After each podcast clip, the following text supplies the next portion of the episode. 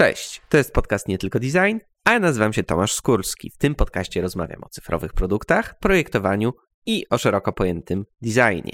Dzisiejszy, 32 odcinek poświęcony jest pracy badaczy i projektantów w branży konsultingu. Moimi gośćmi są Kasia Gawlik i Wiesiek Kotecki z Deloitte Digital, których mam przyjemność znać prawie 10 lat.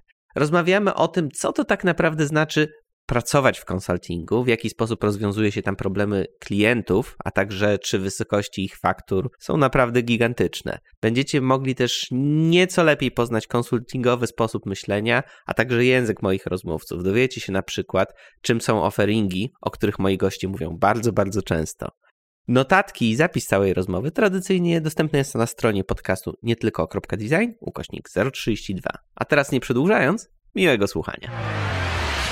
Cześć, to jest podcast Nie Tylko Design, a ja nazywam się Tomasz Skórski. Dziś moimi gośćmi są Kasia Gawlik, e, Experience Design Senior Manager w Deloitte Digital. Dzień dobry. Oraz Wiesiek Kotecki, partner w Deloitte Digital. Cześć Tomek. Cześć. Słuchajcie, spotkaliśmy się, aby mm, porozmawiać trochę więcej o Waszej pracy. Pracujecie w bardzo specyficznym typie e, firmy, w tak zwanym konsultingu. A, I Większość ludzi, mimo że wie, czym jest taka firma jak Deloitte Digital, Accenture bądź inne e, firmy tego typu, e, to tak naprawdę nie wiedzą, jakie procesy tam są, jak, jak, jak wasze organizacje działają, jakiego typu projekty a, realiz realizujecie. I doszedłem do wniosku, że to jest interesujące dla słuchaczy mm, mojego podcastu, tym bardziej, że rozmawialiśmy już o jakichś software house'ach, o agencjach, design studio, administracji publicznej, więc dlaczego by nie porozmawiać również o konsultingu. I takim pierwszym, najbardziej oczywistym pytaniem, jakie przychodzi mi do głowy jest, na czym właściwie polega Wasza praca i jakie usługi sprzedajecie? Sprzedajemy usługi konsultingowe. Jak powiedziałeś, pracujemy w konsultingu, więc sprzedajemy usługi konsultingowe. E, natomiast to jest strasznie szerokie pojęcie, oczywiście, i w tym się, e, w tym się mieści wsparcie biznesu, doradztwo biznesowe na bardzo różnych, bardzo różnych obszarach i na bardzo różnych poziomach. Ten kawałek e, tego wsparcia biznesowego, którym my się zajmujemy, wiąże się z najszerzej pojętym projektowaniem doświadczeń które w jakiś sposób zahaczają o komponent cyfrowy, bo jesteśmy Deloitte Digital, e, ale nie dlatego, że jest jakiś Deloitte nie digital, tylko dlatego, że dzisiaj właściwie wszystko ma jakiś komponent cyfrowy. W związku z tym e, bardzo świadomie korzystamy po prostu z e, technologii i z tych możliwości, które nam digital stwarza, do tego, żeby projektować doświadczenia klientów, użytkowników, ludzi dla naszych klientów, pracowników, bardzo różnych grup. E, I to projektowanie jest często częścią trochę szerszego spojrzenia. Myślę, e, że specyfiką takiej pracy w konsultingu i projektowania właśnie zlokalizowanego, w konsultingu jest to, że bardzo często mamy okazję popatrzeć sobie na dosyć szeroki wycinek firmy i e, dosyć dobrze zrozumieć, jak to, co robimy, wpina się w różne aspekty działania tej firmy. Natomiast ja myślę, że warto w ogóle wyjść trochę poziom wyżej w, tym taki, w tej takiej dyskusji, bo Deloitte jest firmą konsultingową, ale co do zasady Deloitte jest typowym przedstawicielem tak zwanego professional services, tak? czyli takiej firmy, która świadczy usługi profesjonalne swoich klientów. E, wiesz, to jest firma, która ma no, prawie 200 lat, tak? No, mieliśmy 175 urodziny i wiesz, consulting to jest młode dziecko, tak? To jest dziecko, które ma 30 lat. To jest firma, która się wywodzi wcześniej od podatków, od audytu, e, od usług prawnych i tak naprawdę sprowadza się to do tego, że świadczymy naszym klientom takie usługi, których akurat ich biznes potrzebuje. Tak? A który niekoniecznie ma e, w swojej strukturze, bądź za które nie chce długofalowo, bądź długoterminowo płacić, dokładnie, bo to jest chyba istota tak, de facto konsultingu. Dokładnie tak. I bądź też ustawodawca, bądź regulator zakazuje mu je mieć. No to audyt jest takim przykładem, tak? gdzie e, no wiesz, nie możesz sam siebie audytować. Tak jakby potrzebujesz firmy zewnętrznej, która ci mówi, czy twoje księgi są w porządku, czy twoja wycena jest w porządku. No ale to jest jakby warunek, to jest jakby ta część taka, powiedzmy, o której pewnie dzisiaj nie warto rozmawiać.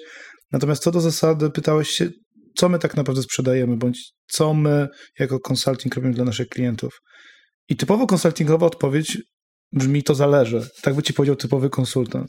I ja się sam z tego śmiałem, ale dobrym przykładem jest to, co się teraz dzieje, jeżeli chodzi o kryzys. Tak, można by powiedzieć, że przychodzi kryzys, więc większość firm doradczych będzie miała kłopot.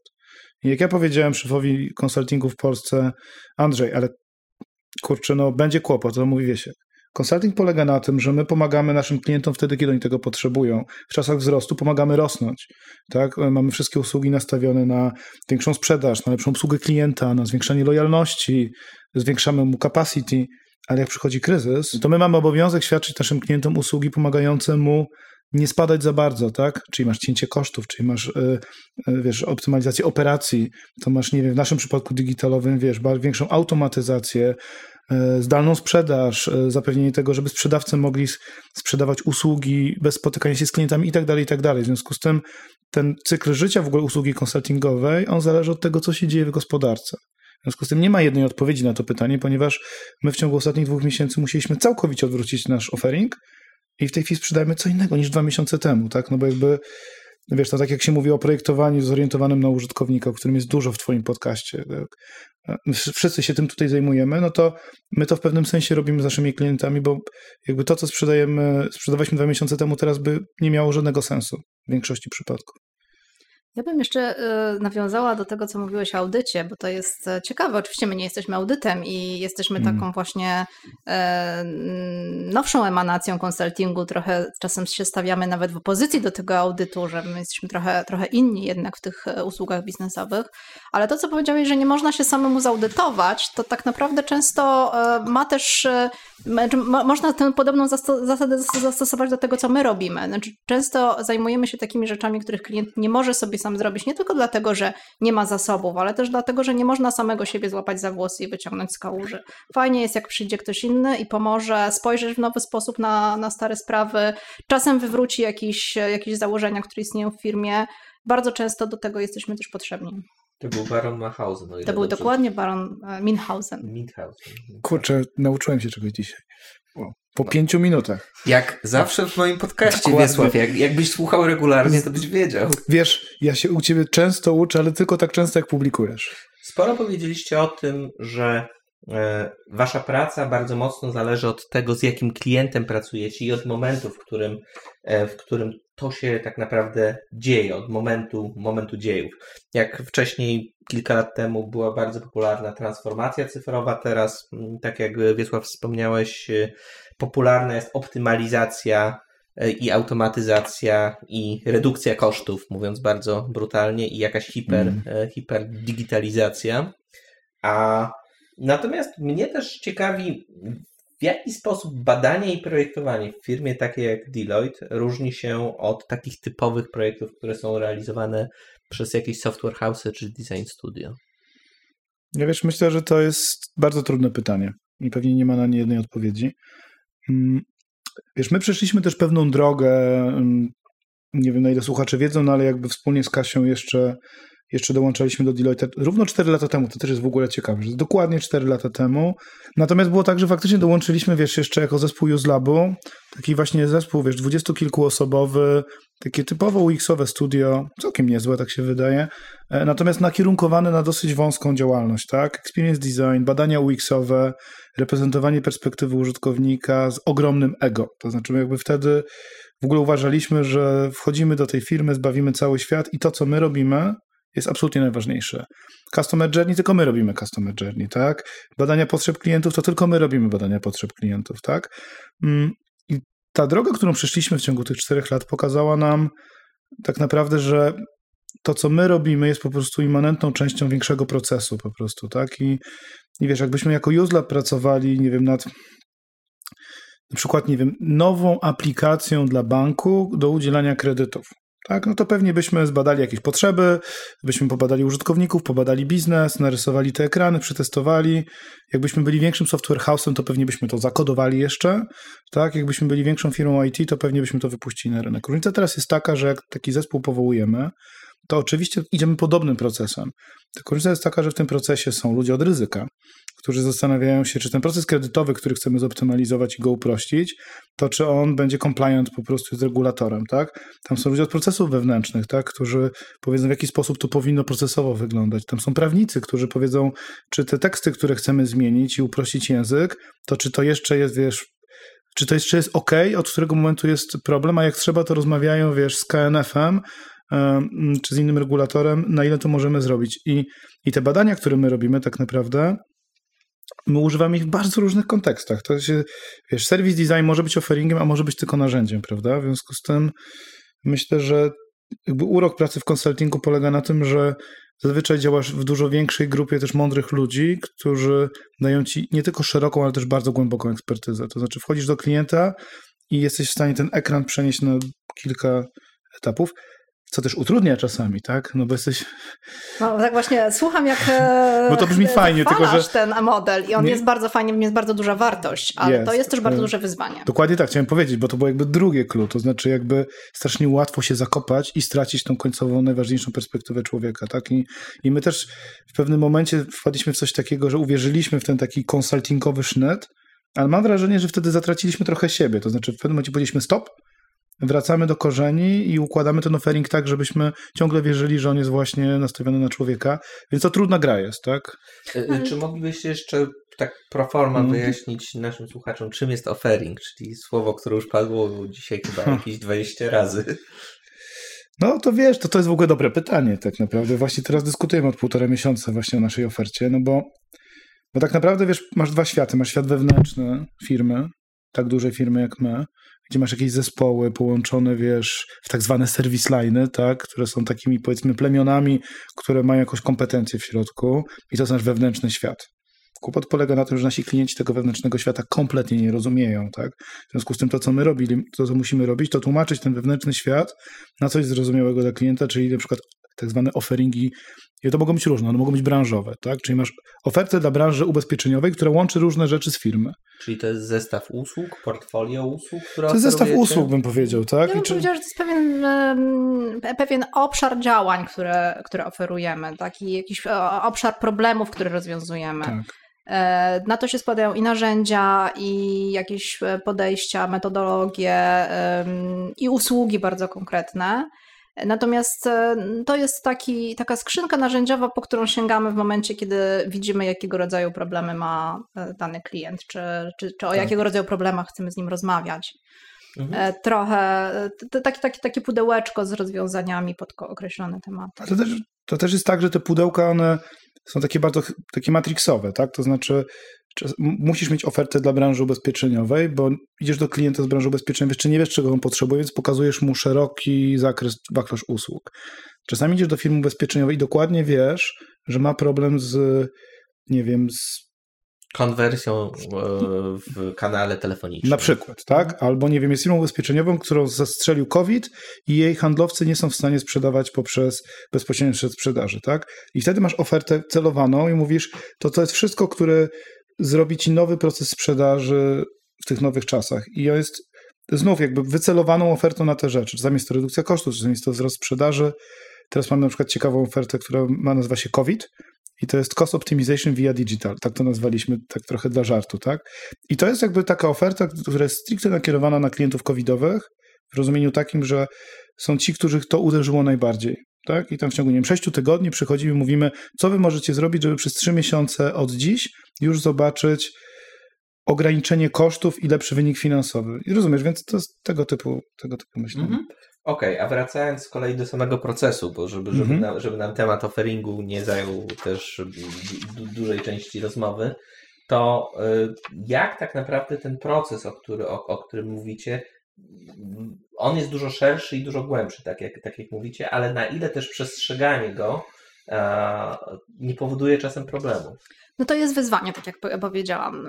To jest wyzwanie, które wiąże się z tym, że pracujemy z ludźmi, którzy posługują się bardzo różnymi narzędziami, pochodzą z bardzo różnych światów, e, wcale kultur. bardzo różnych kultur również i to nawet w takim e, czysto geograficznym wymiarze. Pracujemy bardzo dużo w zespołach międzynarodowych ale też pracujemy e, z ludźmi, którzy nie mają bladego pojęcia o projektowaniu, o jakichś personach, o, o przeróżnych rzeczach, które nam się wydają e, najbardziej oczywiste. Te journaye to narysujcie nam w dwa dni te journaye, bo przecież macie to gotowe na slajdach.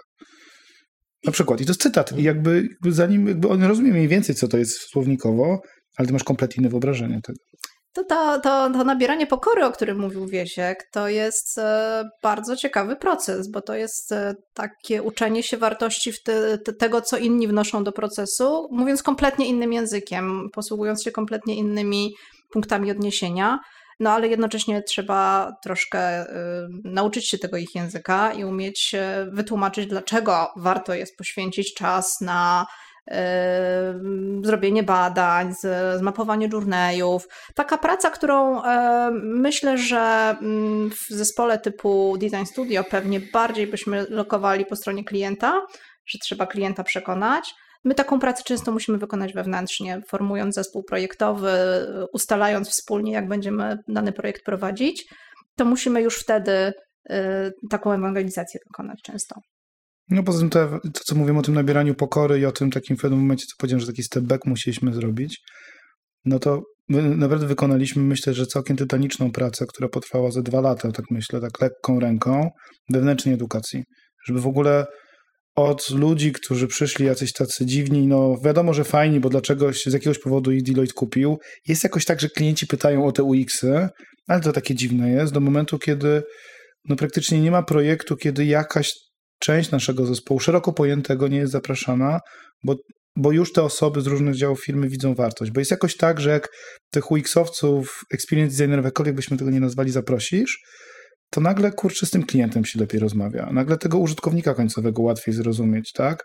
Nagle jest tak, że nie ma pytań o to, czy, czy to rozwiązanie, jak już pierwszy raz je pokażesz, to klient je, wiesz, jakby odrzuca, no bo był w pewnym procesie projektowym i początkowo oni tak do końca jeszcze widać było, że nie rozumieli tego związku przyczynowo-skutkowego, ale muszę powiedzieć, że po tych jest lepiej, nie jest jeszcze idealnie na pewno, natomiast to też była sztuka dla nas i myślę, że dla nas jako branży, ja bym w tym momencie jakby taką parabolę też zrobił, wytłumaczenia, gdzie dajemy wartość po prostu. Znaczy, co konkretnie robimy, jak to konkretnie może dać po prostu i klientowi, i biznesowi wartość, no bo to po prostu dosyć proste. To znaczy, jak było miejsce w projekcie dla nas i w budżecie, to musieliśmy udowodnić, że to się zwraca firmie. No ale właśnie, w jaki sposób, to, to od razu kusi, żeby zadać pytanie, w jaki sposób, w jaki sposób tą wartość e, udowadniać, wychodząc, wychodząc od modelu, że jesteście kupioną, kupioną zewnętrzną firmą, której nikt nie zna, może, ma, może i macie etykietkę, że znacie się na badaniach i na projektowaniu w internetach,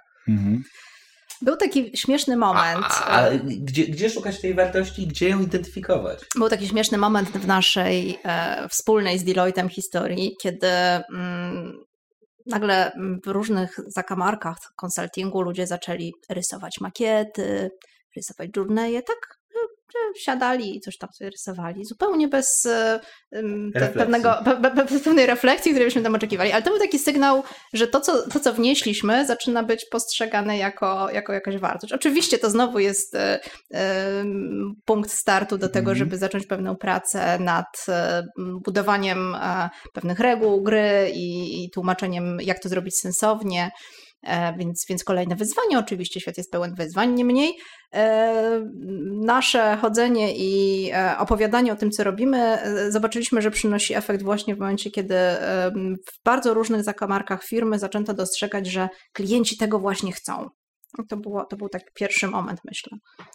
Znaczy, ja bym jeszcze wskazał takie pewnie dwie rzeczy. Po pierwsze, z racji tego, że my weszliśmy też jako działający biznes w pewnym sensie, więc weszliśmy z portfolio klientów.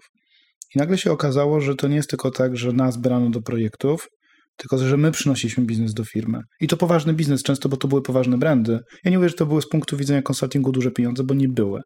Ale konwersacje i projekty były poważne. I oni zobaczyli, że w oparciu właśnie o ten o UX, o experience można budować relacje z klientem. To był jeden dosyć ważny sygnał. A drugi, no to była też taka praca opłacowa, pytać też o te tips and tricks, to było dziesiątki warsztatów, też warsztatów wewnętrznych, robienie szkoleń, szkoleń. wewnętrznych, często wchodzenie do projektów na zasadzie inwestycyjnej z mojego punktu widzenia jako szefa zespołu, bo wiedziałem, że wiesz, no to trochę tak jak z dealerem narkotyku, bo wiedziałem, że jak już coś raz spróbuję, to będzie wracał i wracali. Trochę poczekali i wracali ponownie. I, I, to była jakby jedna rzecz, ale drugi ważny element, że globalnie Deloitte i Deloitte Digital e, zaczęło się, znaczy Deloitte Digital zaczął być bardzo ważną częścią. Po pierwsze technologia zaczęła przykrywać consulting po prostu, no bo świat stał się bardziej technologiczny, więc budżetowo i w udziale w ogóle w przychodzie consultingu ta technologia zaczęła grać ogromną rolę. a w ramach technologii Delay Digital jest takim obecnie złotym dzieckiem, to znaczy jakby poza poważnymi takimi wielkimi projektami typu właśnie SAP, typu ogromne integracje, jest mnóstwo biznesu na świecie, gdzie ten Delay Digital po prostu się wybija. No i wiesz, no i pod koniec dnia to wiesz, follow the money po prostu, tak? Więc jakby firma zrozumiała, że patrząc na krzywą wzrostu, są biznesy takie klasyczne, które odchodzą troszeczkę, a to, co robi, to, co robi digital, jest ważne i nie przypadkiem według mnie, chociaż ja się po trzech latach dopiero jakby y, zobaczyłem, że to jest naprawdę. Teraz głównym claimem Deal Digital na świecie jest Elevate Human Experience.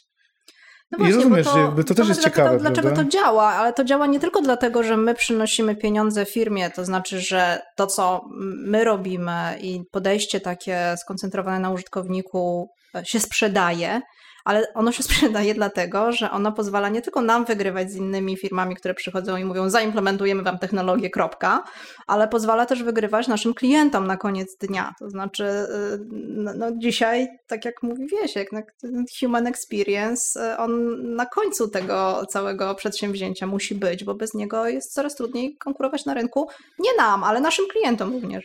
Ale to jest, to jest ciekawe. Ty masz takie tło mocno takie badawcze, pochod- pochodzące jeszcze z, ze świata przed, y, przed, przed digitalowego. Tomek chciał powiedzieć, że masz bardziej merytoryczne tło.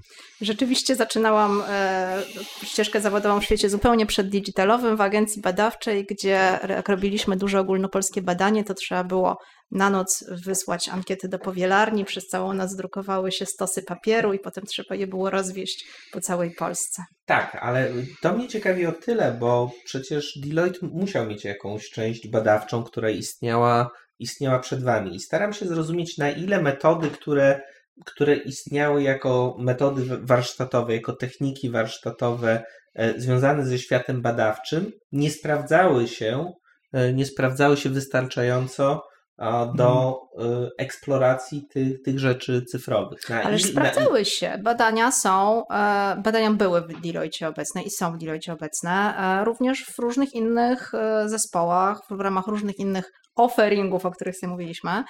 Natomiast nie ma, e, znowu użyję tego słowa, offeringu badawczego i nie ma go z dużą premedytacją, dlatego że traktujemy badania jako narzędzie i to narzędzie po prostu jest przydatne do różnych celów.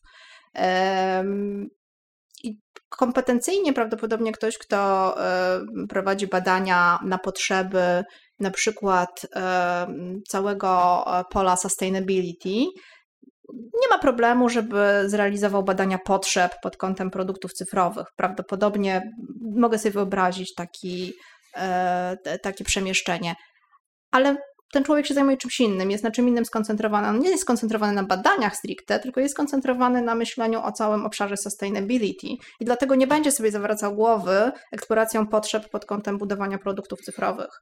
E, Wiesz co, ja raczej staram się zrozumieć, na ile te techniki, które są typowo utożsamiane, wiesz, user experience inne niż customer journey, Mm. e, czy nie wiem, tam user story mapping, żeby nie szukać jakoś daleko, na ile faktycznie te techniki są tym elewatorem, o którym mówił, e, o, mówił Wiesiek, a na ile, a na ile to są takie klasyczne, warsztatowe, bardziej socjologiczno-marketingowe Hmm. metody i techniki. To może ja odpowiem. Bo, bo wiesz co, to jest trochę tak, że mm, wcześniej też zanim dołączyliśmy do, do, do Deloitte'a, to wiesz, byliśmy bardzo skupieni też na, głównie na metodach jakościowych. To takich klasycznych, o których mówisz, tak? Czy to były jakieś badania etnograficzne, czy to były wy, wywiady, czy to były obserwacje takie, wiesz, w, nie wiem, w laboratorium, tego typu historie. To były rzeczy, które pewnie głównie w procesach projektowych używaliśmy.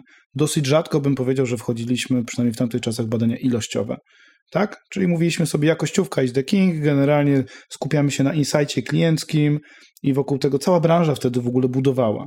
Brutalna prawda jest taka, że ta nasza branża w tamtych czasach, ja nie stawiam tezę, że tak jest teraz, ale w tamtych czasach to na pewno było true, nie miała pojęcia o badaniach ilościowych. Robiliśmy jakościówkę, ponieważ klienci nie chcieli nam płacić za ilościowe, nie byliśmy w stanie ich przekazać, przekonać właśnie do tego, więc UX-owcy z racji bycia designerami skupiali się na, wiesz, tym, tej jakościowej części. Prawda jest taka, że jak robisz produkt, jak robisz produkt w ramach strategii, jak masz zrozumieć potrzeby rynku i nie tylko budować hipotezy, tylko je zwalidować, to trochę ciężko zrobić to na poziomie kilkunastu wywiadów. Potrzebujesz w pewnym momencie też technik ilościowych do tego, żeby złapać jakby to, co to w całej skali oznacza, tak? I różne techniki, bym powiedział, też teraz stosujemy. Jeżeli pracujemy nad strategią cyfrową dla produktu albo dla firmy, no to nie wyobrażam sobie, że nie będziemy tego robili bazując i na ilościówce, i na jakościówce, tak? Tak bo... Ale nie, nie odżegnujemy się od bardzo klasycznych nie, badań nie, nie. jakościowych, e, wywiadów pogłębionych, e, testów zadaniowych i całego takiego e, arsenału narzędziowego bardzo typowego UX-owego. Z niego też korzystamy. Natomiast ja bym powiedziała, że też ta ilościówka jest znaczy coś innego niż można by sobie skojarzyć z poziomu na przykład takiej typowej agencji badawczej, bo bardzo często pracujemy, raczej robimy analizy ilościowe, ale na danych biznesowych po prostu, tak. które dostajemy od klienta, które wyciągamy, wykopujemy gdzieś u klienta. I to jest bardzo specyficzna rzecz, z którą pracujemy w konsultingu, bo bardzo często e, pracując w mniejszych firmach nie mielibyśmy takiej okazji, żeby z takimi danymi mieć do czynienia. ale, też, ale też na przykład z naszego punktu widzenia wiesz, trochę nie ma sensu budowania kompetencji realizacji badań ilościowych, mówię o fieldzie jakby, tak? To, to, w którą kompetencję jakby inwestujemy, to jest projektowanie tych badań i analiza. Tak? W związku z tym nie ma sensu ekonomicznego dla nas na przykład konkurowanie z firmami badawczymi. Tak jak powiedziała Kasia, że bardzo, w sposób bardzo świadomy nie konkurujemy na rynku badań, bo tam nie dajemy wartości. To, gdzie dajemy wartość, to jest to, co z tych badań wyciągamy, tak? Dlatego jakby korzystamy zazwyczaj z laboratoriów zewnętrznych, dlatego korzystamy z zewnętrznego fieldu, dlatego bardzo często korzystamy w ogóle z zasobów naszych klientów, jeżeli chodzi o realizację badań, no bo bylibyśmy prawdopodobnie jedną z najdroższych agencji badawczych, tak, po prostu. I to nie ma sensu. Sens ma to, że użyjemy tych danych i użyjemy tych firm do tego, żeby przetworzyć to. Ale też dobrze zaprojektować. To jest. I, w tym i, sensie, i, tak. I, stworzyć dobre założenia tego, co chcemy zbadać, dobre narzędzia i potem wyciągnąć wnioski. My rzeczywiście nie zajmujemy się samą, samą, samym wykonywaniem badań, bo to, to, to tak to wymaga bardzo specyficznej infrastruktury też. Okej, okay, słuchajcie, w iluś, w iluś obszarach e, już wspomnieliście o swoich klientach, a z jakimi najczęściej pytaniami i problemami przychodzą do Was e, klienci? I zanim usłyszę odpowiedź, to zależy, e, to co się właściwie działo przed COVID-em? Jakiego typu problemy, pytania, wątpliwości stawiali przed Wami klienci?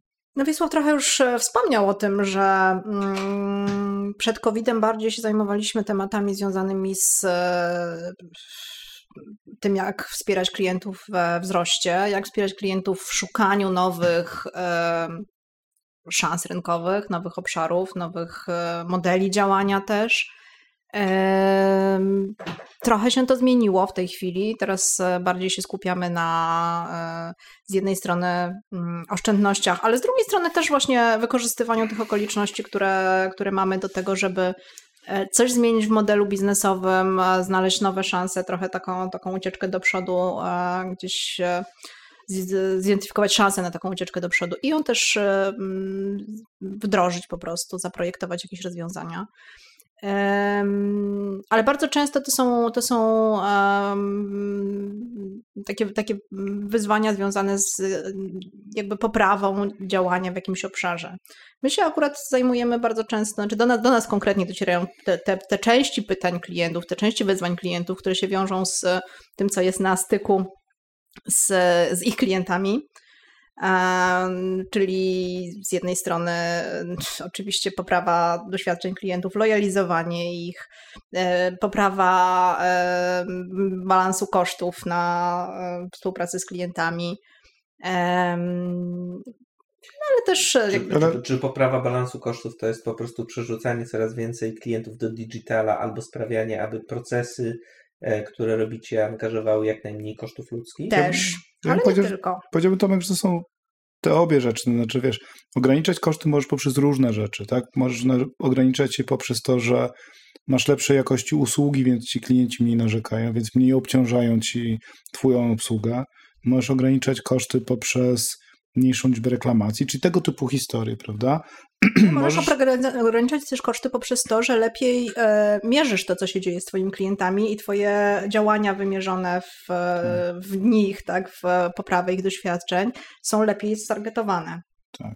Ale jest jeszcze cała ogromna, e, cały ogromny arsenał narzędzi a propos tego, związany z tak zwanym employee experience, tak? czyli z tym, w jaki sposób organizujesz wewnętrznie firmę, jakie, jakimi narzędziami twoi pracownicy się posługują, jaką oni mają wiedzę o kliencie. E, to, to, I to ma wpływ oczywiście nie tylko i wyłącznie na, na ten rachunek kosztowy od strony obsługi klienta, ale w ogóle na zdolność firmy do, wiesz, do, do rozwoju i tak dalej. Więc powiedziałbym, że bardzo dużo mamy faktycznie tych rozmów o user experience, customer experience, jakkolwiek byś tego nie nazwał, czyli o tej takiej części klienckiej, ale ostatnie lata, czy ostatnie miesiące, powiedzmy ostatnie dwa lata, to jest ogromna liczba właśnie konwersacji, projektów y, i działań związanych na to, co się dzieje w środku organizacji, z kapitałem ludzkim, właśnie z organizacją.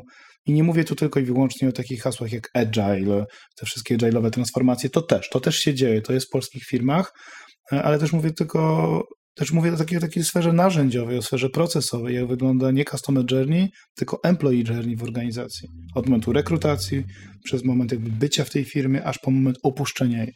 I to nie tylko jest kwestia optymalizacji kosztów, bo ja mówiłam o balansie, czyli o czymś, co ma dwie mhm. strony, hmm. więc to nie jest tylko kwestia tego, żeby obsługa klienta mniej kosztowała, albo żeby pracownicy e, byli bardziej przywiązani do firmy, E, ale to jest też kwestia tego, żeby e, dany klient dłużej, e, intensywniej z nami był i pracownik, żeby miał wszystkie potrzebne narzędzia, żeby lepiej pracować, bo często okazuje się, że praca w obszarze employee experience, o którym Wiesław mówił, to w ogóle nie jest zabawa w to, czy karta benefit, czy mm, darmowa kawa, tylko to jest rozmowa o tym, czego potrzebują pracownicy, żeby po prostu dobrze wykonywać swoje zadania, żeby wykonywać je bez frustracji, żeby wykonywać je bez straty czasu e, i żeby na koniec też ten klient był zadowolony. Więc to nawet na takim podstawowym poziomie.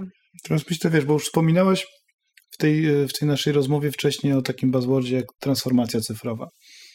Tak, no jakby faktycznie, no, patrząc na, wiesz, ostatnie 2-3 lata, no to to jest, to jest obecne słowo, czy dwa słowa w wielu pokojach zarządów. Tak, e, jakby no, do nas też to trafia. To znaczy, to jest jakby tak, że jako porządna firma konsultingowa oczywiście zajmujemy się transformowaniem cyfrowych naszych klientów. Tak. Tylko wiesz, no jakby transformacja cyfrowa to nie jest historia technologii. To znaczy, bardzo często jest to w ten sposób mówione, no to transformujemy się, to zdigitalizujemy procesy, wdrożymy system X, Y, Z i mamy to z bani. To trochę nie tak, prawda? To jest historia oczywiście o technologii, ale to jest o kulturze, to jest o strukturze w środku. E, to o jest... nieistniejących procesach bardzo często. No często o nieistniejących procesach i nie można tego sprowadzać tylko i wyłącznie do digitalizacji per se. Tak? To jest w ogóle zdolność firmy do bycia firmą cyfrową do przeniesienia części infrastruktury do chmury, ale też do podejmowania, nie wiem, eksperymentów innowacyjnych, tak? Do robienia, nie wiem, jakichś takich spin-offów, takich małych firemek obok i, i, i robienia, wiesz, właśnie tak jak my w naszej branży możemy powiedzieć MVP, jakichś takich biznesowych i tak dalej, więc duża część naszej pracy to jest obecność w tej, e, obecność w tej, e, powiedziałbym, dyskusji i to znów jest cały czas pytanie, dlaczego dany klient chce się transformować cyfrowo. I to jest kluczowe pytanie. Ale poruszyłeś tutaj bardzo ciekawy aspekt, bo mm, mówiłeś o pewnej dojrzałości firm do y, eksperymentowania, do stawiania hipotez, do robienia spin-offów, jakichś startupów działających, należących do korporacji, ale działających kompletnie na zewnątrz. Na ile polskie firmy są dojrzałe kapitałowo i zarządczo, aby móc sobie pozwalać na takie eksperymenty? To nie jest tak, że my, jeśli chodzi o kapitalizm i naszą dojrzałość, dojrzałość zwyczajną biznesową, nie jesteśmy jeszcze na tym poziomie po prostu? Ja bym powiedział inaczej. Pytanie, wydaje mi się, że my jesteśmy na tyle biednym krajem, że nas nie stać na nierobienie takiego podejścia. Nas nie stać na to, żebyśmy się nie przetransformowali. Jeżeli dana firma mówi, że jej nie stać na transformację, to prawdopodobnie jest na drodze do w pewnym sensie do naprawdę dużych kłopotów. To znaczy, to nie jest tak, że musi być cię stać na transformację. Musisz sobie odpowiedzieć na pytanie, czy cię nie stać, żeby tego nie robić. Czy cię nie stać, czy cię stać na to, żeby ciągle być w, nie wiem, w projektach typu, wiesz, kaskadowego. Czy cię stać na to, żeby eksperymentować z projektem, w którym masz dwa lata implementacji i dopiero potem wychodzić na rynek. Tak? Czy stać cię na to, żeby mieć zespół kompetencyjnie po prostu niescyfryzowany, który nie będzie gotowy na nowe wyzwania i tak dalej, i tak dalej. To znaczy może stać się dzisiaj, ale może się okazać, że w ciągu dwóch, trzech lat przychodzi taki COVID i mówi sprawdzam. Przed COVID i powiedział tym wszystkim firmom, no i co teraz?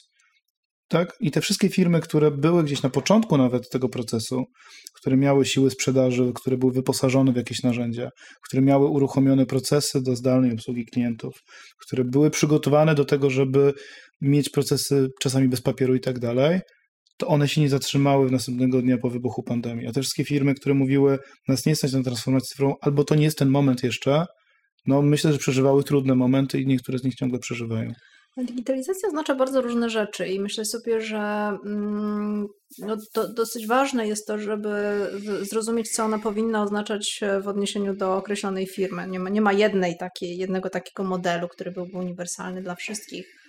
I to, to, to hasło, że nie wiem, nie stać nas na digitalizację, to ja je odczytuję jako takie odzwierciedlenie pewnej niechęci do zmiany sposobów działania, e, do których jesteśmy po prostu przyzwyczajeni, bo e, to niekoniecznie muszą być bardzo duże koszty, a na koniec dnia to, nie, to, to, to są korzyści, a nie koszty oczywiście, po to się to robi, ale bardzo wiele, dla bardzo wielu firm oznacza to y, konieczność zmiany wielu rzeczy, zmiany struktury, zmiany mhm. procesów, o których ty mówiłeś, wytworzenia nowych procesów.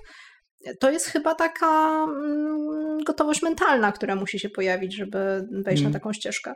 Ja bym chciał tylko przytoczyć takie wyniki takiego fajnego badania, które MIT zrobiło. I MIT starało się zdiagnozować e, na całym świecie, to nie było badanie o Polsce niestety, ale myślę, że jest bardzo adekwatne, jakie są największe przeszkody E, w transformacjach cyfrowych firm? Jakie są takie największe, największe rzeczy, które wstrzymują? Jako pierwsza, jako pierwszy najbardziej popularny, popularny problem jest niezdolność bądź niechęć do eksperymentowania. Tak, to było pierwsze. Drugie to 63% osób ankietowanych w tym badaniu na całym świecie mówiło, że nie zgadza się z tym, że ich liderzy dzielą się konstruktywnym feedbackiem z porażek. Czyli taka kultura do tego, że nam się musi wszystko udawać, że porażka to jest coś złego, jest kłopotem, tak? No bo jeżeli porażka jest zamiatana pod dywan, to znaczy, że się nie uczymy z niej, tak? 78% firm twierdzi, że liderzy nie przesuwają odpowiedzialności za podejmowanie decyzji niżej.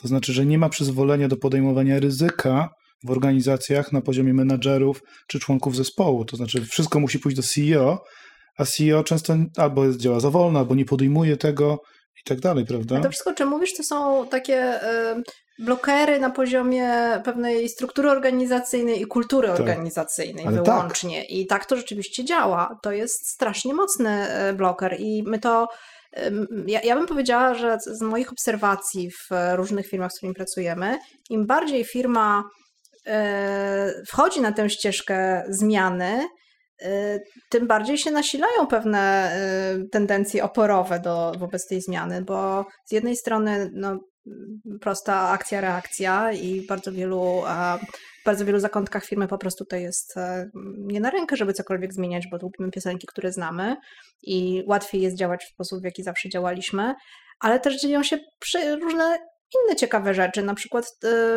jak otwiera się pewna, pewien, jak zaczyna wiać pewien wiatr zmian, to pojawia się w firmie bardzo dużo różnych pomniejszych inicjatyw takich e, innowacyjnych.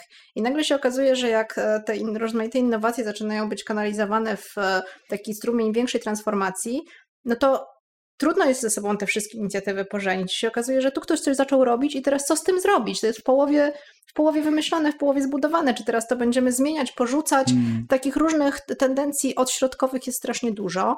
E, dlatego e, wydaje mi się, że wracając do początku naszej rozmowy, tak, na czym polega specyfika pracy w konsultingu, to jest też fajne, że my mamy do czynienia z zarządzaniem zmianą. I to nie jest tak, że my przychodzimy i zaprojektujemy nowe rozwiązanie, które wprowadzi firmę na drogę transformacji cyfrowej. Proszę firmo, bierz i się wprowadzaj.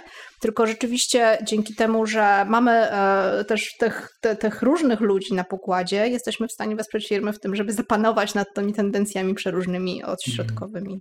Natomiast wracając do Twojego pytania, dla kogo my pracujemy tak naprawdę, prawda? Jaki jest powód tej pracy z nami? No to są. Można uprościć, że pracujemy dla wszystkich, dla wszystkich klientów, jakich się da. To jest oczywiście taki klisze, ale w pewnym sensie prawda. Natomiast oczywiście nie dla wszystkich klientów chcemy też pracować. Tak bardzo ważne jest, żebyśmy zrozumieli, dlaczego dany klient chce się transformować. Tak? Bo to są różne powody.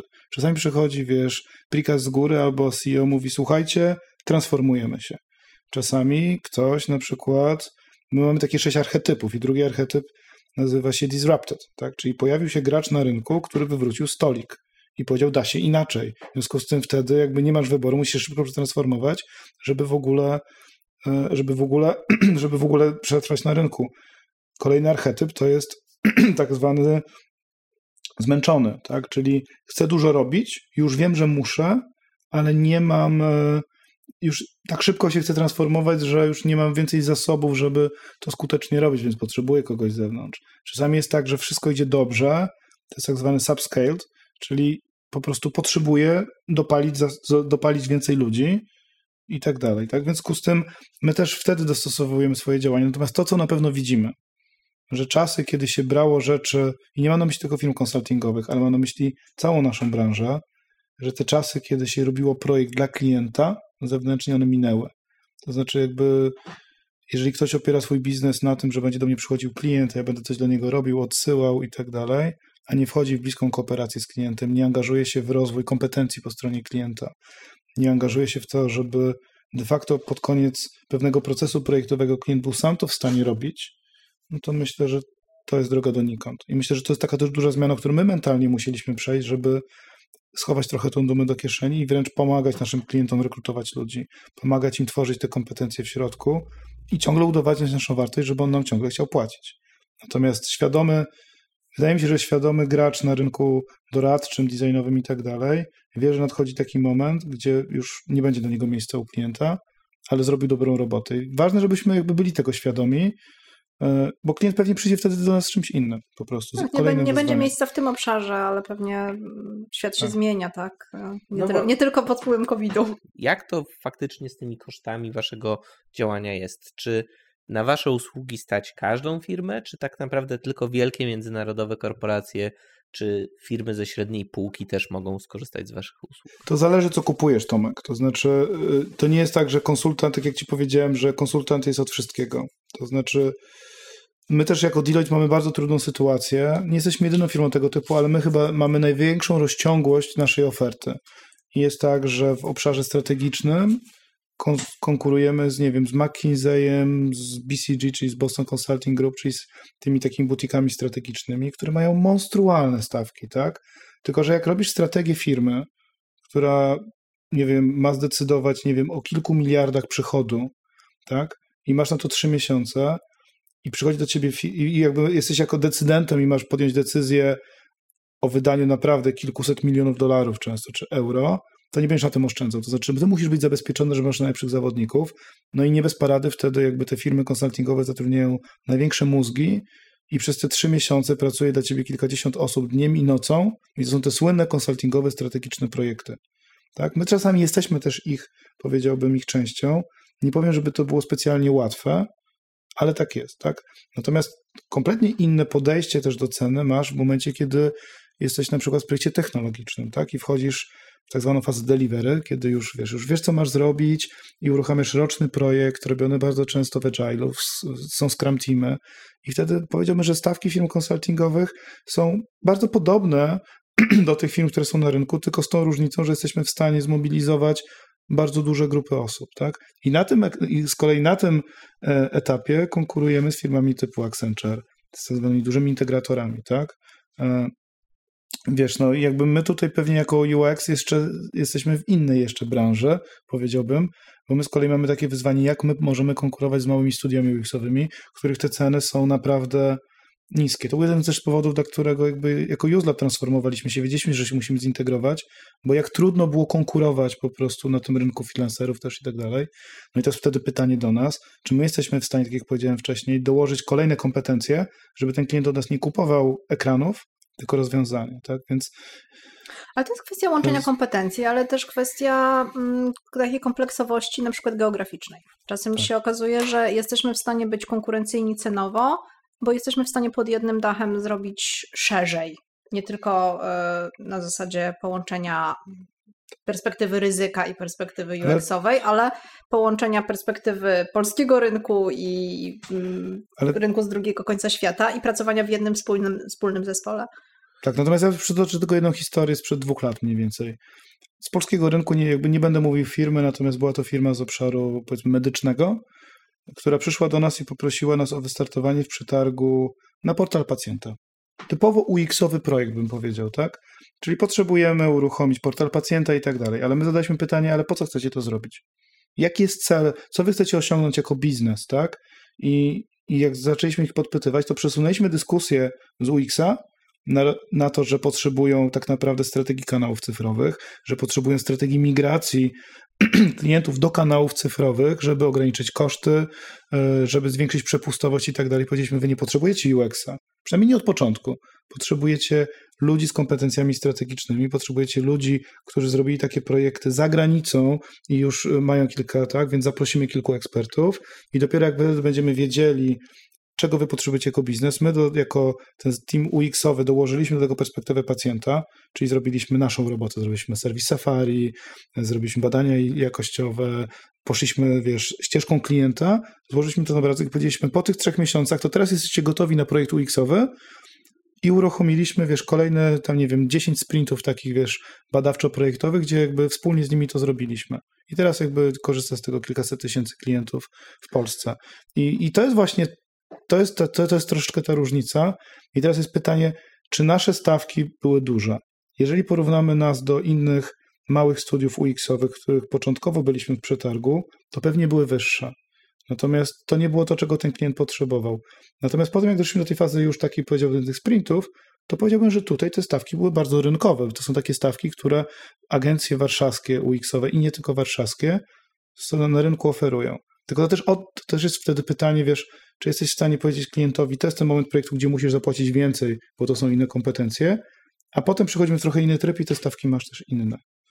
Natomiast co do zasady, no nam się płaci za to, żebyśmy mieli dobrych ludzi, żeby ci ludzie potrafili pracować efektywnie, ale też my bierzemy na siebie ryzyko. To znaczy, ryzyko pracy w takiej firmie jak my jest takie, że jak bierzemy od klienta wysoką stawkę za dzień, no to nie ma tutaj, że możemy czegoś nie dowieść po prostu, tak? Co nie zmienia faktu, że jest, cały czas czujemy oddech konkurencji i po prostu musimy być efektywni kosztowo. No, no właśnie, wspomniałeś tutaj też o przetargach, prawda? Mm, że któryś z klientów zaprosił was, was do przetargów. Jak często teraz e, faktycznie wy się proaktywnie staracie o pozyskiwanie klientów, a na ile wasza praca jednak bardziej się sprowadza do tego, że pracujecie z klientami, z którymi duży Deloitte pracuje już w innych w innych sektorach. Na ile ta sprzedaż jest tutaj tak podzielona? Mówisz o naszym teamie per se?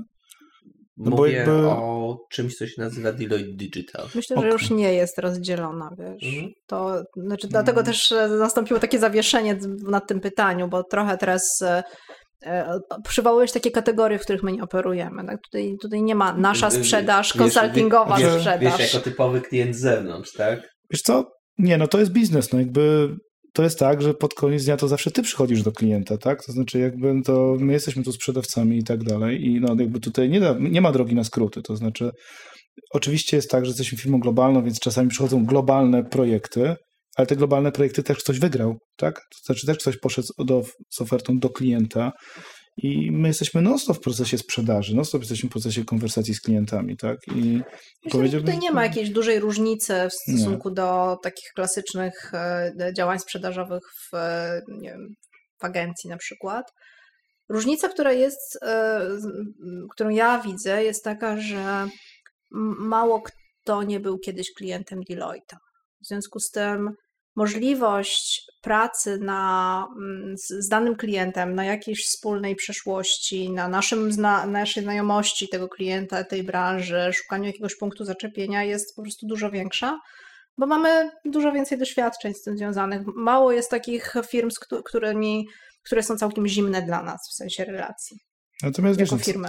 Co do zasady, takim wiesz, no, mokrym snem każdej firmy jest to, żeby omijać przetargi. W związku z tym my robimy wszystko, żeby wykorzystywać właśnie to, co powiedziała Kasia, jakieś tam kontakty, żeby wiedzę o kliencie, e, wiesz, wykorzystać w ten sposób, że my do niego przychodzimy bez RFP, czy, przepraszam bardzo za anglicyzm, bez...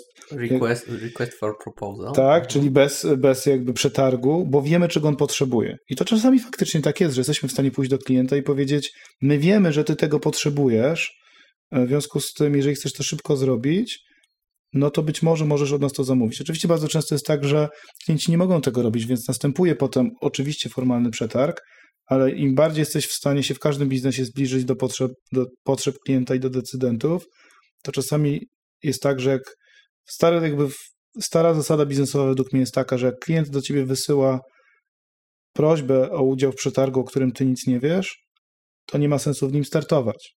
Tak? No bo jak ty się dowiadujesz o tym, jak już w momencie, jak wychodzą kwity, to znaczy, że za tym jest półroczny proces decyzyjny, mentalny myślenia o tym, w którym ciebie nie było po prostu. Znaczy, że o tym kliencie, twoja relacja u tego klienta jest bardzo mała. W związku z tym pewnie staramy się brać udział w takich przetargach, w których wiemy, że po prostu mamy duże zrozumienie potrzeb klienta, a nie tylko to, co jest napisane w briefie, bo sami wiemy, jak to z tymi briefami jest po prostu. A, a, powiedzcie mi proszę, bo często też consulting się utożsamia z tak zwaną slajdozą albo z tym gigantycznym Wy tego nie słyszycie, ale teraz obydwoje się bardzo uśmiechnęli, więc coś w tym ewidentnie jest. E, na ile te artefakty, które dostarczacie e, waszym klientom, wychodzą poza te slajdy? Bo to jest bardzo stereotypowe myślenie, prawda? Czy nie? Trochę jest i myślę, że ono się wiąże z tym, że konsulting jest bardzo dobry w slajdy. My, my, nauczyliśmy się od naszych kolegów e, z dużym doświadczeniem w konsultingu, jak robić dobre slajdy i to też jest jakaś wartość. Natomiast na tym nie kończymy. Wiesz co, to jest, to jest w ogóle ciekawe, no bo ja też się postrzegałem siebie jako gościa od dobrego od slajdów jeszcze 4 lata temu. Wiesz, występowałem na wszystkich konferencjach, po czym przyszedłem do Deloitte i zobaczyłem, że nic nie wiem. Znaczy, nic, tak? Ale Oczywiście my tworzymy dużo slajdów, ale my też tworzymy jako firma, nie mówię teraz o naszym zespole, ale Consulting tworzy te slajdy po to, bo to jest narzędzie, które rozumieją klienci. I bardzo często w tych dyskusjach, które są u klientów na zarządach, na jakichś tam spotkaniach i tak dalej, jak nie ma tych slajdów, to ten klient czuje się pogubiony. W związku z tym nie abstrahowałbym od tego. To znaczy nie śmiałbym się z firm, które robią slajdy, bo one robią slajdy, bo chcą, tylko że naprawdę dla bardzo wielu prezesów jest tak, że prezentacja strategiczna dla niego musi być na slajdach po prostu. Natomiast dzieją się ciekawe rzeczy. Ja powiedziałbym, że dzieją się bardzo ciekawe rzeczy, bo e, i nie mówię tylko, że to jest nasza zasługa, ale zasługa nowoczesnych technologii, nie wiem, tych nowych narzędzi, że pokazuje, że coraz częściej widzisz wideo, coraz częściej widzisz animacje, coraz częściej widzisz zamiast prezentacji produktu na slajdach jakiś prototyp, który gdzieś ktoś klika i komuś wręcza. Ostatnio dla mnie to było niesamowite, w ogóle to nie brałem udziału. Mieliśmy jakieś takie spotkanie sprzedażowe, gdzie zespół wymyślił, że nie będziemy klientowi pokazywali procesu projektowego na slajdach, tylko pokazaliśmy go w Figmie. Tak? I to powiem Ci, że to game changer po prostu, bo było tak na początku, że były klasyczne slajdy w Figmie, był taki zoom zrobiony, że było widać slajd, potem było widać drugi slajd, a potem był nagle zoom out i nagle to trochę tak jak w starym oldschoolowym Prezi, tylko to była Figma. I pokazaliśmy mu cały, cały ten proces, powiedzieliśmy mu, zobaczcie, chcecie zrozumieć, czym jest design system? Nie ma żadnego problemu. Przy, przy, do innej zakładki w Figmie i powiedzieliśmy, to jest to, w jaki sposób będziecie z nami pracować. I klient Ale powiedział, to wow. My wychodzimy poza to i ja myślę, że tak, to jest... E, I, I, na ile to jest tak, na ile poza e, prezentacjami, które często niestety trafiają do szuflady, to jest też tak. jakiś stereotyp, na ile, jakie są inne A, artefakty, tak. które, no, które dostarczacie? Na, na, my, my tak naprawdę dostarczamy produkty. E, I to nie tylko projekty produktów, e, chociaż mamy design w nazwie, ale mamy też frontendowców i też produkty po prostu tworzymy. E, wchodzimy w skład zespołów agile'owych, które są po prostu zespołami tak. tworzącymi rozwiązania do, do momentu uruchomienia ich i, i też bierzemy za to odpowiedzialność, więc E, robimy slajdy, bo slajdy są świetne, ale... tak jak powiedział Wieś, jakieś świetne slajdy są świetne i można robić nie tylko slajdy, ale różne inne artefakty, natomiast robimy to wszystko ze świadomością, że potem musimy to dowieść. My niestety nie wychodzimy, nie otrzepujemy rąk i nie zostawiamy klienta z Tak, znaczy ten oldschoolowy consulting, który mówił, że robimy wam slajdy, no to był taki stary jakby żart, że wiesz, strategia robi slajda, potem mówi, znajdźcie sobie konsultanta, który to zrobi, bo my nie wiemy jak, prawda? I to się zmieniło, to znaczy żaden poważny klient nie kupuje konsultingu, który się sprowadza do slajdów, który na przykład nie ma całego, wiesz, elementu związanego z technologią. gdzie po prostu powiesz, to co prawda jest taki obrazek, ale za tym stoi architektura, za tym stoi konkretna jakby propozycja technologiczna, za tym stoi design i trochę jest tak, że tak z UX-owego punktu widzenia czasami dostarczamy prototyp, ale zawsze high fidelity, to znaczy w ogóle już jakby od, nie ma tego momentu makietowania takiego, wiesz, jakby czarno-białego. Powiedziałbym, że wszystko jest już robione hi-fi. E, w narzędziach typu Figma, bądź każdy inny, który możesz sobie wybrać. Czasami jest to design system, powiedziałbym, że ostatnio coraz częściej faktycznie, poprzez to, że chcemy zostawić klienta z kompetencją, no to wdrażamy mu design system w rozumieniu nie tylko Figmy, ale tu już dochodzą, wiesz, storybooki i te wszystkie inne narzędzia, żeby zostawić mu design system w kodzie. Więc już się pojawia trochę technologii. Czasami jest tak, jak Kasia powiedziała, że klient mówi dobrze, no to uruchamiamy po prostu Scrum Teamy, wtedy nasi ludzie wchodzą do Scrum Teamów klientowskich i są z nimi aż do momentu uruchomienia produktu. Czasem dajemy product ownera, czasem tak. dajemy Czas, Scrum Mastera. Czasami tak, a czasami po prostu klient mówi, ja nie chcę od was Scrum Team, ja chcę od was produkt. To znaczy ja chcę, żeby, żeby dealer mi dowiózł po prostu ten produkt, w związku z tym wtedy wdrażamy coś od początku do końca, a nasz team jest po prostu częścią tego procesu, tak. No i, i tyle. No, czasami są to, my dajemy, nie wiem, ludzi od UX, UI, w naszym teamie też są frontendowcy, mamy część UX-owców też jako product ownerów certyfikowanych, więc te role znów są różne, tak. Natomiast są to też często typowo klasyczne UX-owe artefakty. Słuchajcie, tak krążymy sobie wokół tego mm, konsultingu mm, i zastanawia mnie też, gdybyśmy mieli tak patrzeć na te obszary wytwarzania tych cyfrowych produktów, mm, to na jakim etapie pracy z klientem przede wszystkim działacie? Czy to jest bardziej etap discovery, czy to jest bardziej etap deliver, czy to jest bardziej poszukiwanie insightów? Gdybyście tak mieli procentowo z grubsza określić, to gdzie jest Was w konsultingu najwięcej, a gdzie relatywnie mniej?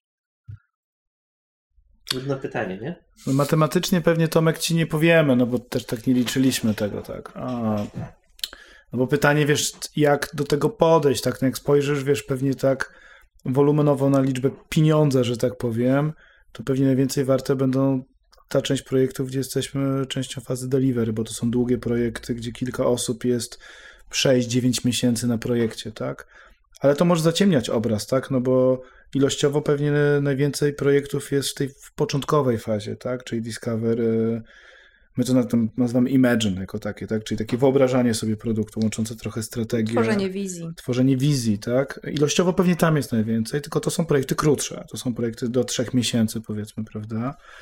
I to e, nawet nie wynika z tego, że one gdzieś e, na etapie wizji się zamykają, natomiast e, ja myślę, że to wynika z tego, o czym mówiliśmy wcześniej, to znaczy, że my tam jesteśmy w stanie najwięcej wnieść wartości takiej, takiej dysruptywnej trochę, tak? takiej wywracającej trochę sposób myślenia, z którym wszyscy przystępują do tego projektu i rzeczywiście kreatywnej. Mm, i w tej fazie już później e, wytwarzania samego rozwiązania, które powstaje w oparciu o tę wizję, e, oczywiście mm, fajnie, jeśli możemy w nim uczestniczyć, wesprzeć tę wizję, która powstała, ale też e, jakby mniej jest unikatowej wartości akurat naszego zaangażowania. Tak, znaczy my w tej chwili dużo na początku dyskutowaliśmy o tym offeringu, jak to się tak podśmiewałeś trochę z tego słowa. I... Ale to tylko w the record się podśmiewałem. Okej. Okay. No to już jest on the record. Ale wiesz, my też bardzo ewoluujemy, tak? I tak jak powiedziałem ci, że pewnie dopiero teraz jest taki moment, kiedy po czterech latach to jest taki deal digital, który mniej więcej sobie gdzieś tam wyobraża, wyobrażałem, wyobrażaliśmy. To jest też taki moment, kiedy dokładnie teraz, tak jak nagrywamy ten odcinek, bo on który jest trzeci, tak? Nagrywamy go 3 czerwca. To 1 czerwca u nas się rozpoczął nowy rok finansowy w firmie i też jakby oficjalnie ruszyliśmy z nową strukturą trochę i już się nie nazywamy Experience Design, jak nazywaliśmy się ostatnie dwa lata. Tak? To, co się w tej chwili wydarzyło, to ta część y, oferty, którą, której mamy z Kasią przyjemność być częścią, nazywa się Customer Strategy and Apply Design. I tak naprawdę opiera się na czterech filarach. I te cztery filary trochę odwzorowują to, co pytasz się o ten od etapy projektu, tak? W ramach naszego teamu jest strategia cyfrowa, tak? Czyli klient przychodzi i mówi: Kurczę, nie wiem, co mam zrobić. Nie wiem, w którym kierunku mam pójść. Doradźcie mi tak naprawdę to, co mówiliśmy, tak? Jak zwiększyć sprzedaż, jak ograniczyć koszty yy, i tak dalej. Yy, I to jest bardziej jakby oferta strategiczna, ale w której my też jesteśmy częścią, no bo tak jak mówiliśmy o tych ilościowych badaniach jakościowych, szukania insightów, budowania. Potem jest druga część, nazwaliśmy to proposition design, gdzie klient już mniej więcej wie, co zrobić, albo ma kilka hipotez, ale chce to wypróbować na rynku, tak? Czyli mówimy sobie, jak w ciągu, nie wiem, trzech miesięcy z postita y, z pomysłem zamienić coś na działający, nie wiem, proof of concept na rynku i przetestować to z klientami. Tak? I znów jakby to jest trochę taki miks, czyli mamy pomysł, staramy się zrozumieć, czy on jest wykonalny, czy się da na nim zarobić, sprototypować go y, w taki sposób, żeby dać, dać wyjść na rynek i wrócić do klienta z informacją po trzech miesiącach i powiedzieć nie bardzo, albo powiedzieć tak, ale, albo powiedzieć z tych trzech propozycji to ta jedna. I to powiedziałbym, że to jest taki trzymiesięczny design sprint, ale gdzie jakby łączymy te, te perspektywy. Potem mamy experience design per se, bym powiedział, czyli już wiemy, co chcemy zrobić, ale ten produkt cyfrowy czy niecyfrowy trzeba zaprojektować i wdrożyć. I to jest taki klasyczny, powiedziałbym, UX-owy offering, tak? gdzie już wiesz, robimy, robimy bardzo konkretną designersko-wdrożeniową robotę. Yy, I to są te długie projekty. I mamy jeszcze czwarty, też za który w kasie w sumie najbardziej odpowiada, czyli nazwaliśmy go Customer Experience Management, czyli taki, taka oferta. Może Kasiu, ty powiedz najbardziej, bo to w sumie... To jest tak naprawdę wyjście Twoje. trochę e, e, poza to, co e, się dzieje na poziomie wymyślania produktu, projektowania go, nawet wdrażania, bo to jest rozmowa o tym, w jaki sposób ten produkt ma żyć potem na styku z klientem, i w jaki sposób nim zarządzać, bo my, tak jak mówiliśmy, staramy się brać odpowiedzialność za to, co się dzieje również dalej w momencie, kiedy już e, zostanie, zostanie rozwiązanie zaprojektowane, ono musi jakoś potem funkcjonować i przynosić zakładane efekty. I całe, całe myślenie w kategoriach Customer Experience to jest myślenie właśnie o tym, e, jak efektywnie jesteśmy w stanie wykorzystać dane narzędzie, dany produkt cyfrowy do budowania relacji z klientem i do zarządzania tą relacją. Więc jakby ten, e, ta, ta, te, te nasze pudełeczka offeringowe, o których powiedział Wiesiek, one odzwierciedlają właśnie naszą gotowość do tego, żeby e, być z klientem do końca i gdzieś do końca brać odpowiedzialność za to, co tworzymy. Także widzisz, my też cały czas staramy się to tłumaczyć sobie nawzajem w tej firmie, w której jesteśmy, bo gro tej dyskusji na razie, bo my wychodzimy z tym teraz do klientów, ale nam naprawdę zajęło bardzo wiele tygodni i godzin rozmów, żeby nawzajem w ramach tego dużego zespołu zrozumieć, co my tak naprawdę robimy, co my możemy dać tym klientom, jak się połączyć z innymi ludźmi w firmie, jak ten experience to wszystko zapiąć, tak? I nie jesteśmy w tym doskonali i pewnie za rok będziemy tą dyskusję znów robili, bo będą nowe narzędzia, będą nowe metody i myślę, że tak, no, że to, to jest takie podejście, więc y, też myślę, zachęcam wszystkich też, którzy nas słuchają, żeby nie definiowali siebie raz na zawsze, tak? Żeby patrzyli na to, co się dzieje na rynku, patrzyli się, jakie nowe narzędzia są, bo te narzędzia, które mamy teraz, tych narzędzi nie było dwa lata temu wszystkie, nawet właśnie o CX-ie patrząc, wszystkie platformy, które tak naprawdę pozwalały nasłuchiwać klientów, wtedy jeszcze nie istniały za bardzo. Wszyscy się skupiali na MPS-ie. Kto no dzisiaj... Istniały, ale niekoniecznie w świadomości e, polskiego klienta, który tak, myślał ale... o tym, co ja mam zrobić, e, na, na, tak. żeby zarządzać moim call center na przykład. Plus to jest chyba też jeszcze istotny aspekt kosztowy, prawda, że też narzędzia te, które służą do regularnego i długofalowego mierzenia customer experience też są coraz prostsze do zaaplikowania do całego ekosystemu biznesowego z jednej strony, a z drugiej e, są też tańsze na poziomie licencyjnym, tak? Tak, a, a organizacje Czasem. też są coraz bardziej gotowe, żeby, y, żeby się z nimi spinać, bo to też wymaga tego, żeby w organizacji była pewna struktura, jakaś taka kultura rozumienia tego, po co jest e, w ogóle słuchanie klienta i e, gotowość do tego, żeby sobie budować procesy wokół tego słuchania klienta. E, I takie struktury coraz bardziej powstają, więc też ma większy sens wpinanie mm, określonych narzędzi. To widać e, w e, strukturze stanowisk, w nazwach stanowisk, działów, które powstają. To się dzieje. Jakie sektory są najbardziej aktywne w tego typu powstawaniu? Przede wszystkim duże usługi, bankowość, zdrowie, szeroko pojęte finanse właściwie powiedziałabym. Tak, y, coraz bardziej aktywnie widzimy też te usługi, które są na styku online-offline i mam tutaj na myśli też y, tak zwany retail, czyli sprzedaż detaliczną. Szczególnie te firmy, które były standardowo na przykład fizycznymi usługami, typu wielkie sklepy wielkopowierzchniowe, nie wiem, właśnie, nie wiem, tego typu historie. Czyli firmy, które trochę commodity dostarczają. Tak, tak? ale wiesz, ten cały tak zwany, jak to się w branży nazywa brick and mortar, czyli to, co mhm. było murowane, co uruchomiło online i nagle jest bardzo wielokanałowe, to tam widać, że ogromne nakłady na to idą, tak? Nie wiem, u mnie w podcaście na przykład rozmawiałem z Bartkiem Lechowskim, tak, który był w Ikei, potem był w Empiku, teraz jak wiemy jest w Playu i, i, to też widać mniej więcej, jego ścieżka kariery pokazuje tak naprawdę, gdzie to się odbywało. No IKEA to wiadomo, że to nastawienie na customer experience duże. Dlaczego go wziął Empik? No po to, żeby powtórzył dokładnie to, prawda? Play też jest od lat znany w to, że jakby skupia się na mierzeniu, na optymalizacji i tak dalej. Myślę, że też jego przykład pokazuje te branże, w które to bardzo inwestują i, i zdrowie, o którym powiedziała Kasia. No, ja też tak patrzę na to z drugiej perspektywy. Są, wiesz, powiedziałeś o tych narzędziach, tak? Jeszcze dwa lata temu na palcach naprawdę nawet nie jednej ręki można było policzyć liczbę wdrożeń tych globalnych narzędzi do badania customer experience. I pierwsze firmy to było co? To, był, to była medycyna, i to była energetyka, ile dobrze pamiętam, tak? Jeżeli chodzi o te globalne rozwiązania, tak? W tej chwili można już zobaczyć tam na tej liście banki, właśnie sklepy i tak dalej. Drugą rękę można dołożyć. Pewnie drugą rękę, ale to, ciągle, ale to ciągle są dwie ręce tylko, tak? To znaczy, to jest, tak. ta, ta droga się rozpoczęła w Polsce. Czy jest coś, co jest waszą taką perłą w koronie, co jesteście w stanie stwierdzić, że realnie to jest coś, gdzie jesteście w awangardzie przed wszystkimi?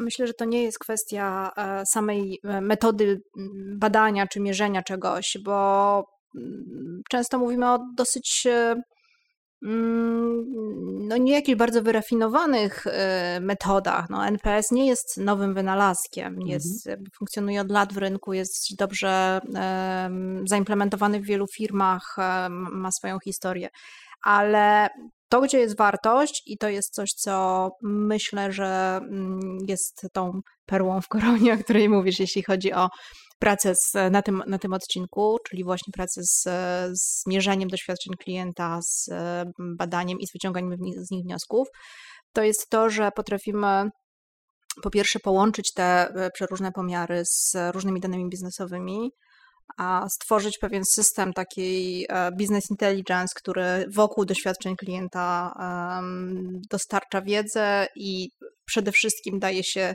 zaprząc do zarządzania procesami. Bo wielkim wyzwaniem w bardzo wielu firmach jest to, że nawet jeśli mierzą, to potem trochę nie wiadomo, co z tym zrobić. Robi się prezentację PowerPoint na zarządzie i robi się prezentację PowerPoint na kongresie handlowców, albo y, innym evencie. Portal spożywczy, jeszcze jest artykuł tak. na portalu spożywczym. Tak, no i raportuje się zarządowi co pół roku wyniki z NPS-a. Natomiast e, to, co jest prawdziwą wartością tych e, pomiarów, to jest to, żeby one zaczęły żyć i żeby zaczęły być takim krwiobiegiem w organizacji, napędzać e, jej funkcjonowanie w obszarze różnych procesów takich wokół klienckich. Nie tylko samego reagowania na, nie wiem, reklamacje czy skargi klientów, ale również uruchamiania całej siły innowacyjnej w organizacji. Do tego wszystkiego mogą świetnie służyć badania. Więc e, myślę, że to, co my potrafimy wnieść, to nie jest to, że przyjdziemy i powiemy, my potrafimy zrobić takie badanie, jakiego jeszcze nie widzieliście, natomiast potrafimy e, zrobić coś mądrego z nawet prostymi badaniami. I mhm. łącząc te, tak jak mówisz, y, zarówno dane pochodzące z badań z danymi biznesowymi tutaj no, realnie jest dostarczane. No bo wiesz, bo mieliśmy kiedyś taki projekt dla jednego z banków w Polsce. Mm, a brief był zasadniczo dosyć prosty, bym powiedział. E, opierał się na podniesieniu doświadczenia klienta, czyli per se MPS-u dla klienta korporacyjnego, tak? No i jakby to wiesz, to nie chodziło tylko o to, żeby zrozumieć w ogóle, jaki ten NPS, je, NPS jest, bo te dane były w banku, tak? Ale to co, to, co jakby na czym się de facto skończyło, to po pierwsze zbadaliśmy, co na ten NPS wpływa. To była jakby pierwsza część tej historii, tak? Takie badanie typu MPS Drivers, czyli otworzyliśmy ścieżkę różnych klientów korporacyjnych, bo ci klienci są też różni, tak? Masz różne persony tutaj, jest inny decydent, masz głównego księgowego, e, osobę operacyjną. Potem otworzyliśmy, co na to zadowolenie klienta na poszczególnych etapach wpływa u nich i u ich konkurencji, czyli już wiedzieliśmy więcej, jak ten bank na tle rynku się, wiesz, przedstawia. Następnie poprzez różne działania też jakby konsultingowe z nimi w środku, e, wymyśliliśmy tak naprawdę w jaki sposób ta ścieżka powinna wyglądać, jakie żeby ta ścieżka mogła tak wyglądać, jakie inicjatywy w banku, wiesz, powinny być zrobione. Inicjatywy w rozumieniu nowy proces kredytowy, nowa organizacja placówki, e, nowy sposób organizacji całej analizy ryzyka do kredytu, bo się okazuje, że kredyt dla korporacji jest tym, co wpływa najbardziej na zadowolenie klienta, więc zaangażowaliśmy ludzi, którzy znają się na kredytach, tak? Potem dyskutowaliśmy z nimi, no to jak powinno wyglądać jak powinna wyglądać ekipa zajmująca się klientem w banku i jakie oni powinni mieć, co oni mieć powinni wpisane w celach e, rocznych, bo wpisanie tylko MPS-u na poziomie organizacji no jest błędem, bo koniec końców ludzie robią to, co mają w celach, więc musieliśmy zejść na poziom tego, co to oznacza dla takiej osoby. E, I potem było też to, co powiedziała Kasia, to znaczy to nie jest tylko kwestia inicjatyw, tylko jak organizacja powinna ten NPS mierzyć od poziomu narzędzi przez poziom procesu, kończąc na wpisaniu e, Customer Experience Officera na poziomie struktury i podległych mu ludzi, i czy to ma być cały zespół u niego, czy to ma być zespół agentów rozproszonych, jak ma wyglądać, wiesz, mała, duża pętla i tak dalej. I teraz jakby to nie było, to, to badanie tego MPS-u to było tylko i wyłącznie narzędzie. Koniec końców naszym zadaniem było przyjść na zarząd i powiedzieć, drogi zarządzie, jeżeli chcecie zrealizować waszą ambicję w postaci MPS-u i tutaj się pojawiały liczby w ciągu roku, dwóch, trzech, to to jest zestaw inicjatyw. Nie wszystkie jesteście w stanie zrealizować, więc te trzy inicjatywy są dla Was kluczowe. To są tak zwane quick winy, low hanging fruits, jakkolwiek byś tego nie nazwał, konsultingowo. Zróbcie je teraz, bo to jest mała inwestycja, zobaczcie wyniki. Te w średnim okresie czasu musicie zrobić. O tych podyskutujmy. I teraz, czy to jest robota UX-owo Customer Experience? Jest. Czy to jest robota, którą jest w stanie tylko nasz zespół zrobić? Nie. Prawda? Więc jakby to jest taki ten consulting trochę w pigułce, mimo że brief był experience'owy per se, prawda? Jakby koniec końców, no. Tak. To ciekawe był Poprawa doświadczeń. Słuchajcie, tak już na zakończenie. Czy sądzicie, że mm, consulting w perspektywie 5-10 najbliższych lat to jest sektor rynku, który będzie się rozwijał, czy raczej będziemy coraz bardziej szli w kierunku butikowych, mniejszych organizacji, które punktowo będą w stanie zaspokoić konkretne potrzeby klientów? Pytanie Tomek, czy wiesz, jakby to się jedno, drugie się ze sobą wyklucza. To znaczy, nie wiem, czy można powiedzieć, czy jedna bądź druga ścieżka jest, e, jest e, wykluczająca się. Po drugie, nie wiem, czy kryzys ma z tym, szczerze mówiąc, coś związanego. Kryzysów jest dużo i kryzysy się pojawiają coraz częściej, bym powiedział. I COVID nie jest żadnym czarnym łabędziem takim per se. Tak, z tego się spodziewaliśmy. Część ludzi mówi, że to jest biały bądź szary łabędź, tak? Spodziewałbym się, że takich kryzysów będzie więcej i będą częściej, tak? One się nie pojawiają już co 20 lat, one się pojawiają co 10, tak? Sam, sam Taleb się też od, od, odżegnuje od nazywania COVID-u tak, czarnym łabędziem. Ja bym tego nie łączył, tak? I nie wiem, czy consulting jest najlepszym miejscem do pracy. Myślę, że digital jest świetnym miejscem do pracy. Myślę, że jakby ten trend y, tego ucyfryzowienia naszego życia i biznesu będzie trendem, który po prostu będzie naszą rzeczywistością i myślę, że można znaleźć sobie wiele miejsc. Tak? Ja osobiście uważam, że w dużej ekipie raźniej i że wśród mądrych ludzi z różnych perspektyw możesz zrobić więcej i mieć większy wpływ na klienta. To jest moje osobiste zdanie, ale myślę, że najbardziej prawdopodobny jest świat, gdzie duże firmy konsultingowe będą działały w jednej drużynie z moimi butikami i uzupełniały swoją kompetencję o bardzo konkretne rzeczy, ponieważ nie będziemy w stanie być dobrzy we wszystkim, tak? Więc to jest budowanie ekosystemu pewnego. Ale jest też ta elastyczność, o której sam mówiłeś wcześniej, to znaczy nikt pewno nie jest, nie jest w stanie być dobry we wszystkim, natomiast jeśli ktoś jest e, dobry w ramach wąskiej specjalizacji, a butiki często tak właśnie funkcjonują, to jest bardziej po prostu narażony na e, zmiany w otoczeniu zewnętrznym bo one wymagają adaptacji i trudniej jest się adaptować, kiedy ma się wąską specjalizację, więc e, trochę już Wiesław o tym wcześniej wspominał. E, pewnie taka e, firma, która ma na pokładzie szeroki zakres kompetencji, dużo tych offeringów, o których mówiliśmy, i jest gotowa na to, żeby rzeczywiście słuchać klienta i odpowiadać na jego potrzeby, a nie tylko sprzedawać w ramach swojej specjalizacji, no, może potencjalnie się adaptować łatwiej, mimo że jest dużą strukturą, albo dzięki temu, że jest dużą strukturą.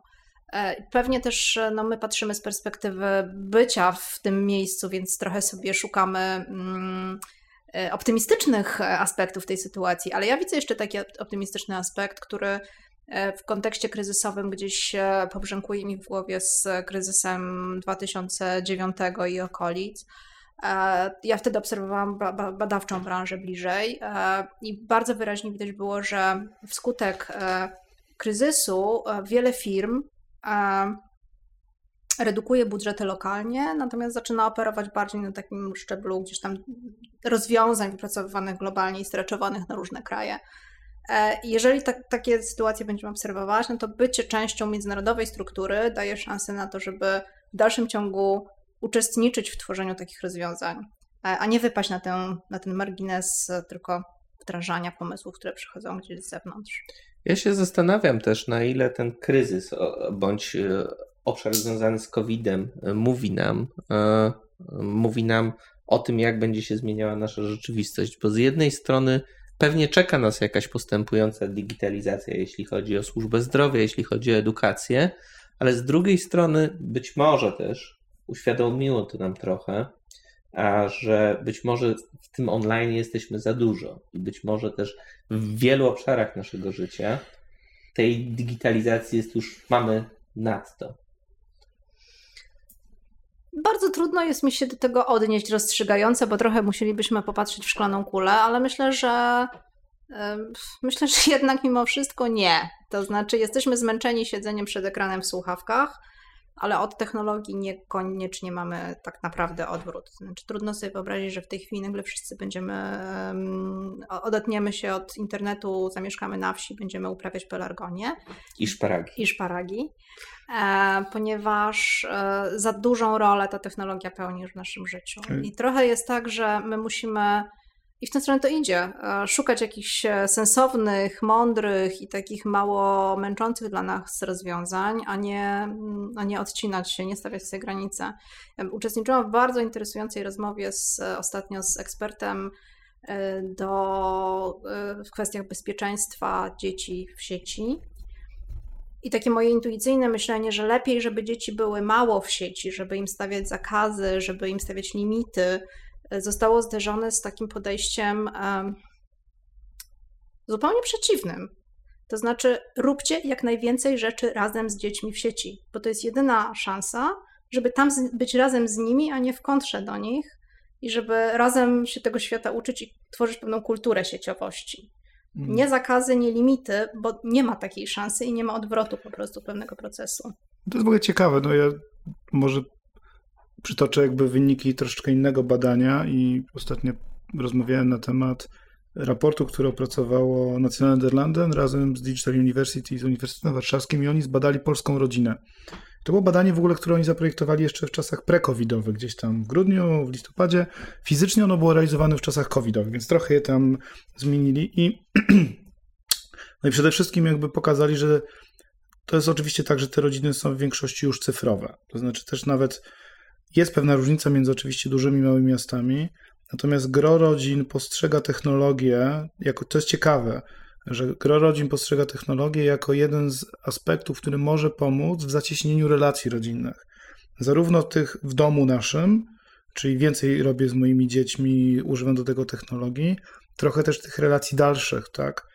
Jesteśmy zamknięci w domach, ale dzięki technologii możemy pogadać z dziadkami, oni już tą technologią trochę zostaną, więc być może paradoksalnie ta technologia nam trochę polepszy te relacje. Natomiast Chciałem drugi wątek poruszyć, bo trochę Kasia o tym powiedziałaś. Mi się wydaje, że on jest najważniejszym wątkiem, który obecnie powinniśmy dyskutować. To bezpieczeństwo, ale slash dane. To znaczy jest ogromna pokusa według mnie w tej chwili, która będzie stawała przed firmami i przed ludźmi, która mówi podziel się naszymi danymi, swoimi danymi z nami, dzięki temu my będziemy w stanie lepiej zaopiekować się twoim zdrowiem. Tak? Daj nam dostęp do wszystkich Twoich informacji medycznych, dzięki temu będziemy lepiej w stanie walczyć z pandemią.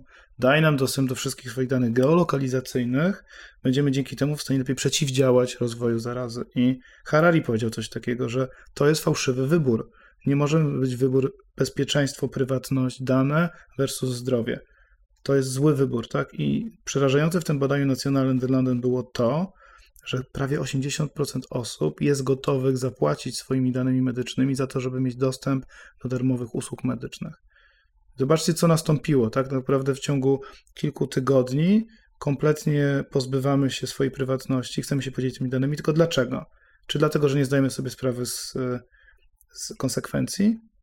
Wydaje mi się, że tak. To znaczy jest ogromna praca przed nami edukacyjna też tutaj, żeby ludziom wytłumaczyć, zaraz, zaraz, nie musicie nimi płacić. Uważajcie to, tym to bardziej, nie jest nowa bardziej, rzecz. Że to, że to już poszło bardzo, bardzo tak. mocno. Cały model Facebooka i Google'a został de facto Tak, to, to nie jest rzecz, która się pojawiła wyłącznie w, na fali COVID-u. E, myślę, że to jest nie nowa rzecz. Ja e, ze, ze trzy lata temu uczestniczyłam w takiej konferencji na temat, takiej akademickiej konferencji na temat designu. A z, miałam okazję słuchać e, bardzo wiekowego profesora designu, 80-latka, E, który bez żadnej prezentacji, slajdów i bez żadnej technologii, a przez e, godzinę przykuł słuchaczy, mówiąc o tym dokładnie, jakie ryzyka niesie za sobą technologizacja, jeśli chodzi o dzielenie się danymi i dostęp do danych, jest... i jaka odpowiedzialność spoczywa na projektantach w tym kontekście. Jak, jak, jak, jest, jak, jak duża jest to pokusa, o której ty powiedziałeś, też dla projektantów, bo to jest tak, fantastyczna zobacz, rzecz do użycia. Ale zobacz, co się w tej chwili wydarzyło i to jest według mnie bardzo przerażające. Mnie to przeraża, być może was nie, ale może, może mnie na pewno, że firmy typu Facebook, Google, Apple i tego typu będą współpracowały z rządami mówiąc o tym, że musimy chronić naszych obywateli. Spójrzcie na Koreę Południową, tam to się udało, tak? Być może możemy zastosować ich rzeczy. I jak wykonamy ten krok, to już nie będzie powrotu. To znaczy nasze życie jako ludzkości już nigdy nie będzie takie samo. I szczerze mówiąc, nie wiem, czy ja chcę ten krok podejmować. Bardzo optymistyczna wizja. Dziś moimi gośćmi byli Katarzyna Gawlik i Wiesław Kotecki. Dziękuję Wam bardzo. Dzięki. Dzięki. I to już wszystko na dzisiaj. Zapis całej rozmowy dostępny jest na stronie nietylko.design ukośnik 032. Do usłyszenia niebawem.